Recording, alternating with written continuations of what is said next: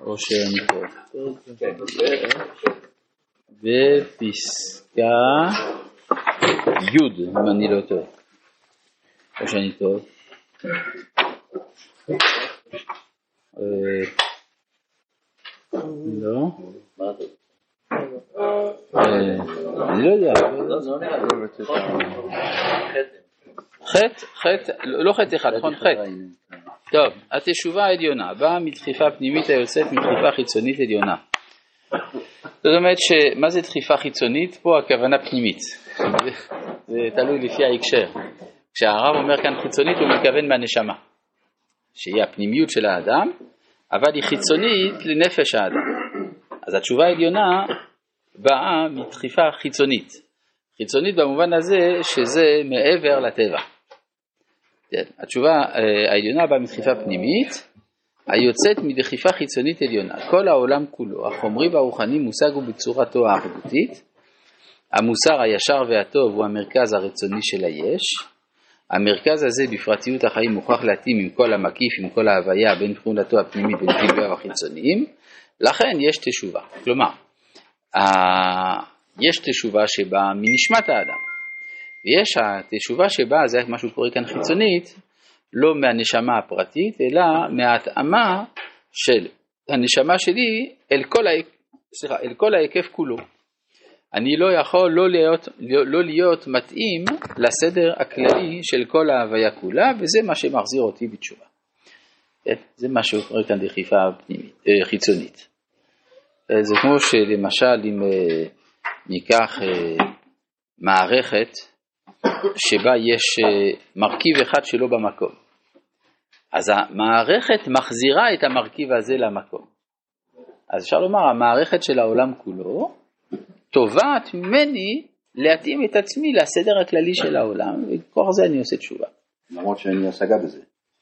תלוי, יש מי שיש לו השגה, יש מי שאין לו השגה. לא, זה לא חייב להיות שאין השגה. יש אנשים שמרגישים את הקשר שלהם עם כל הבריאה, יש כאלה שלא. זה עניין של עד כמה התפיסה האינדיבידואליסטית חזקה באדם, או עד כמה הוא מרגיש שהוא קשור בכל נימי נפשו אל העולם, אל החברים, אל ההוויה, אל האלוהות. זה כבר אה, עניין של הרגשה. יש אנשים כאלה, יש אנשים כאלה. אז מה שאומר כאן, כל העולם כולו, החומרי והרוחני, מושג הוא בצורתו האחדותית. עכשיו, מה זה, עכשיו, העולם כולו הוא לאו דווקא מוסרי, כן, העולם הוא מכני, יש גם צד מכני בעולם, אבל המוסר הוא מרכז ההוויה. ואיפה המוסר נמצא? באדם. יוצא לפי זה שהאדם הוא מרכז כל המכונה הגדולה הזאת, כן, המוסר הישר והטוב הוא המרכז הרצוני של היש, איפה שבא לידי ביטוי הרצון, המרכז הזה בפרטיות החיים מוכרח להתאים עם כל המקיף, עם כל ההוויה, בין מתכונתו הפנימית ובין מגילוייו החיצוניים. על ידי הכרה פנימית במעמקי הלב מהיושר והטוב, נודע חלק רשום, כלומר מסוים, מהמוסר המופע בכל ההוויה, בצורה אידיאלית ממשית חיה במציאות. מה שהרב כאן מגלה לנו, שלא רק שיש מוסר באדם, יש גם מוסר בכללות ההוויה, רק הוא לא כל כך גלוי.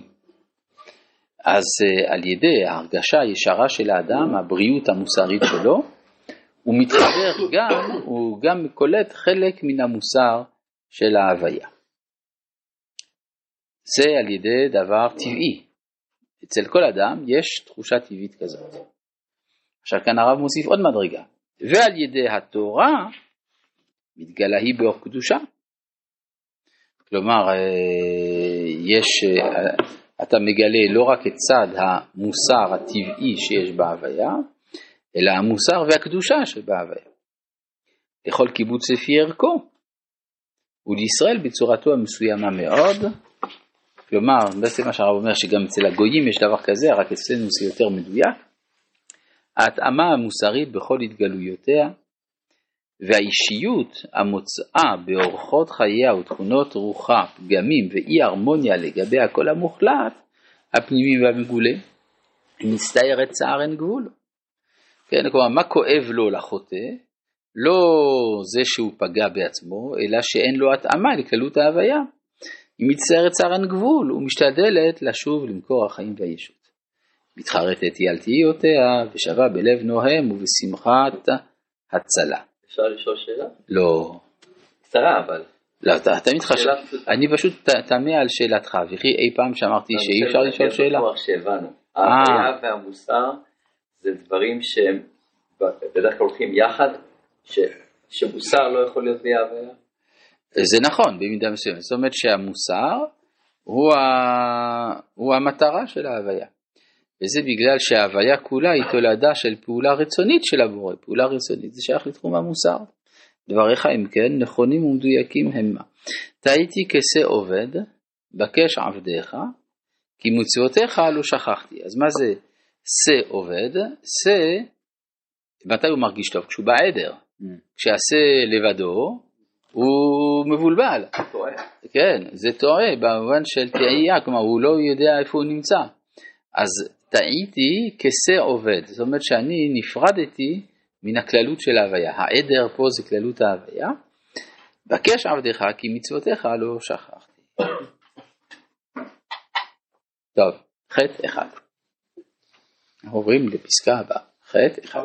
כן. האם התורה מגלה את המוסר הזה שהרב מדבר עליו?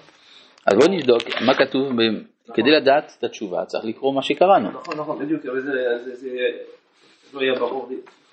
לא, זה בסדר גמור, אף אחד לא מושלם. עכשיו כתוב כאן שיש אה, על ידי המוסר הטבעי אני חש את הצד המוסרי שבהוויה, ועל ידי התורה זה אותו מוסר מתגלה מצד הקדושה. כן, אתן לכם דוגמה פשוטה, יש אה, הבדל בהלכה בין אה, הלכות, הרבה הבדלים יש בהלכה בין הלכות בני נוח להלכות בני ישראל. למשל, מתי אדם נהיה בר מצווה? מתי הוא מחויב במצוות? אם הוא יהודי 13 בול. לא עושה בים. כן, הכוונה שגמר 13, אז נכנס היום הנוסף, בול, פונקט הוא נהיה מחויב במצוות. אה, אבל הבגרות הנפשית, הפיזית, היא לפעמים קצת לפני, לפעמים קצת אחרי. באמת אצל בני נוח זה תלוי לפי הבגרות הטבעית, הבגרות הנפשית, נכון? הוא החברתי, כאילו לפי ה... כן, ברור, יש כל מיני מדדים שהם מצד הטבע, ולכן זה יכול להיות לפני 13, זה יכול להיות אחרי 13, אבל בישראל זה מצד הקדושה, ולכן זה מדויק. כן. או- כלומר, אין חפיפה דווקא בין הקדושה לבין הטבע. טוב, חטא אחד, חטא אחד, הכוונה שזה במהדורות המאוחרות, במהדורות הראשונות זה לא היה. לכן יש פה גם כוכבית. התשובה ביסודה היא תנועה. לשוב אל המקוריות, אל מקור החיים וההוויה העליונה בשלמותם בין גבולים ומצרים.